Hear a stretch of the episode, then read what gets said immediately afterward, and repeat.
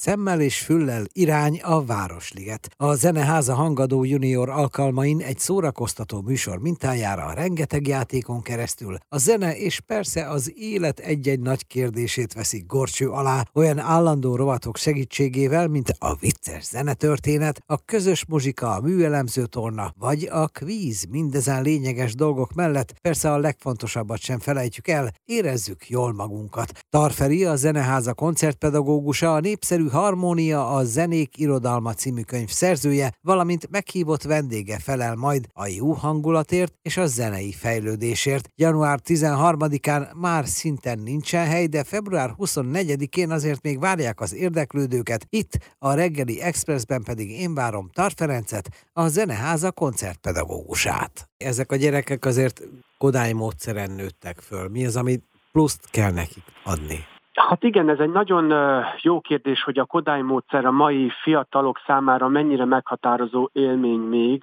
hiszen nagyon sok iskolában már csak heti egy ének óra van, vagy esetleg annyit sem tudnak megtartani, és szóval kevés gyerek találkozik a, a, azzal a fajta Kodály módszerrel, ahogy mondjuk 40-50 évvel ezelőtt lehetett ezzel találkozni iskolai keretek között, de az is egy fontos különbség, hogy nagyon át kell keretezni hiszen a, a, a gyerekeknek a, a fogalmi gondolkodása, az őket érdeklő dolgok is nagyon megváltoztak azért az elmúlt években, és nagyon fontosnak tartjuk azt, hogy ezeken keresztül próbáljuk meg az ő érdeklődési körükhez igazodva próbáljuk meg ezeket a, a gondolatokat, meg, meg tartalmakat valahogy eljutatni.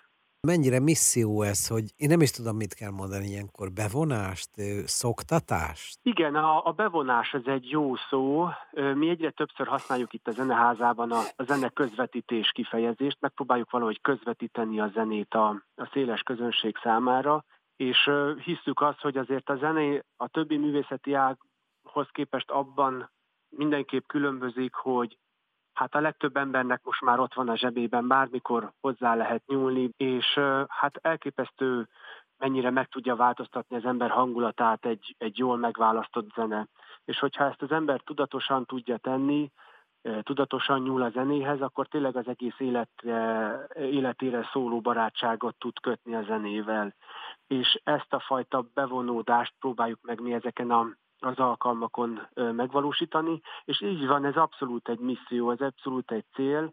Nyilván egy-egy ilyen e-, előadás, egy-egy ilyen alkalom az annak a 200-300 embernek tud elsősorban érdekes lenni, aki itt van, de mivel ez az egész egy nagy kísérlet is, hogy hogyan lehet zenéről újfajta módon, újfajta keretek között beszélni, reméljük egy picit azt is, hogy ezzel egy modellt is meg tudunk teremteni, és mintát is tudunk mutatni egyéb zenészeknek, egyéb pedagógusoknak, kollégáknak arra nézve, hogy hogyan lehet még a zenéről beszélni, vagy hogyan lehet még érdemes a zenéről beszélni.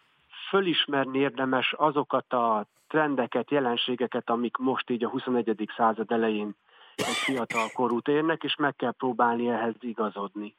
És az egyik ilyen font, általam fontosnak gondolt jelenség az az, hogy rendkívül sok hatás ér egy mai fiatalt, és most nem csak zenei hatás, hanem képi hatás, az ő érdeklődésére rengeteg dolog tart egyszerre igényt, és ezért nagyon fontos, hogy ehhez igazodjunk, hogy amikor mi is érdekessé szeretnénk tenni valamit számára, akkor tisztában legyünk azzal, hogy egyébként őt nem biztos, hogy hogy csak ez érdekli, vagy ez olyan elmélyülten érdekli, mint azt mi gondolnánk. És ö, talán nem edukációra van szükség ezeken az alkalmokon, hiszen elsősorban jól érezni jönnek magukat a, a családok ezekre a koncertekre, ö, hanem sokkal inkább ö, ez a közvetítés, hogy mi megpróbáljuk megmutatni, hogy az, amiben mi itt a zeneházában hiszünk, vagy amikről mi gondolkodunk, az, az miért lehet vonzó, vagy érdekes egy, egy család számára. Hogy a zene az egy játék.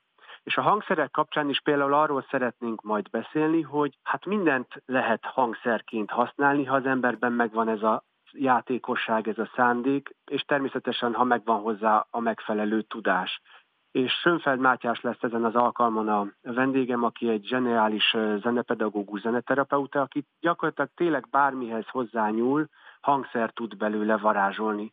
És ezt a fajta könnyedséget, lazaságot, szórakoztató módot szeretnénk a gyerekeknek a hangszerek bemutatásán keresztül is megmutatni. Itt egy egész napot el lehet tölteni, így kell elképzelni ezt a programot? Ugye ez egy nagyon különleges tulajdonsága a zeneházának, hogy tulajdonképpen három intézmény egyszerre, hiszen egyszerre múzeum, ráadásul rögtön négy kiállítási térrel, egyszerre koncerthelyszín, két koncertteremmel, és egyszerre egy zenepedagógiai, zeneközvetítői intézmény, ahol különböző formákban osztályoknak szóló foglalkozások keretén belül, szabadegyetemi előadások keretén belül, vagy éppen ilyen zeneközvetítői családi koncerteken keresztül, mint amikről mi, mi is beszélgettünk, próbálja meg a nagy közönséget megkínálni.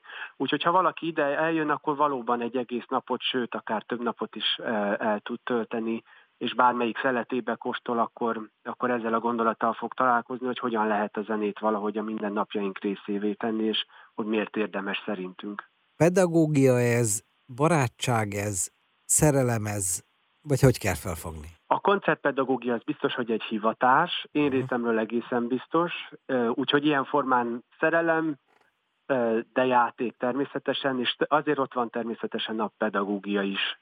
Az a szándék, hogy gazdagabban menjenek el a minket meglátogatók, mint mielőtt ide jöttek volna. A legközelebbi dátum február 24-e. A kérdés, milyen hangszerek vannak, és nem kérdés, hogy a választ Tarferi találja majd ki, és osztja meg mindenkivel a Hangadó Junior program sorozaton keresztül.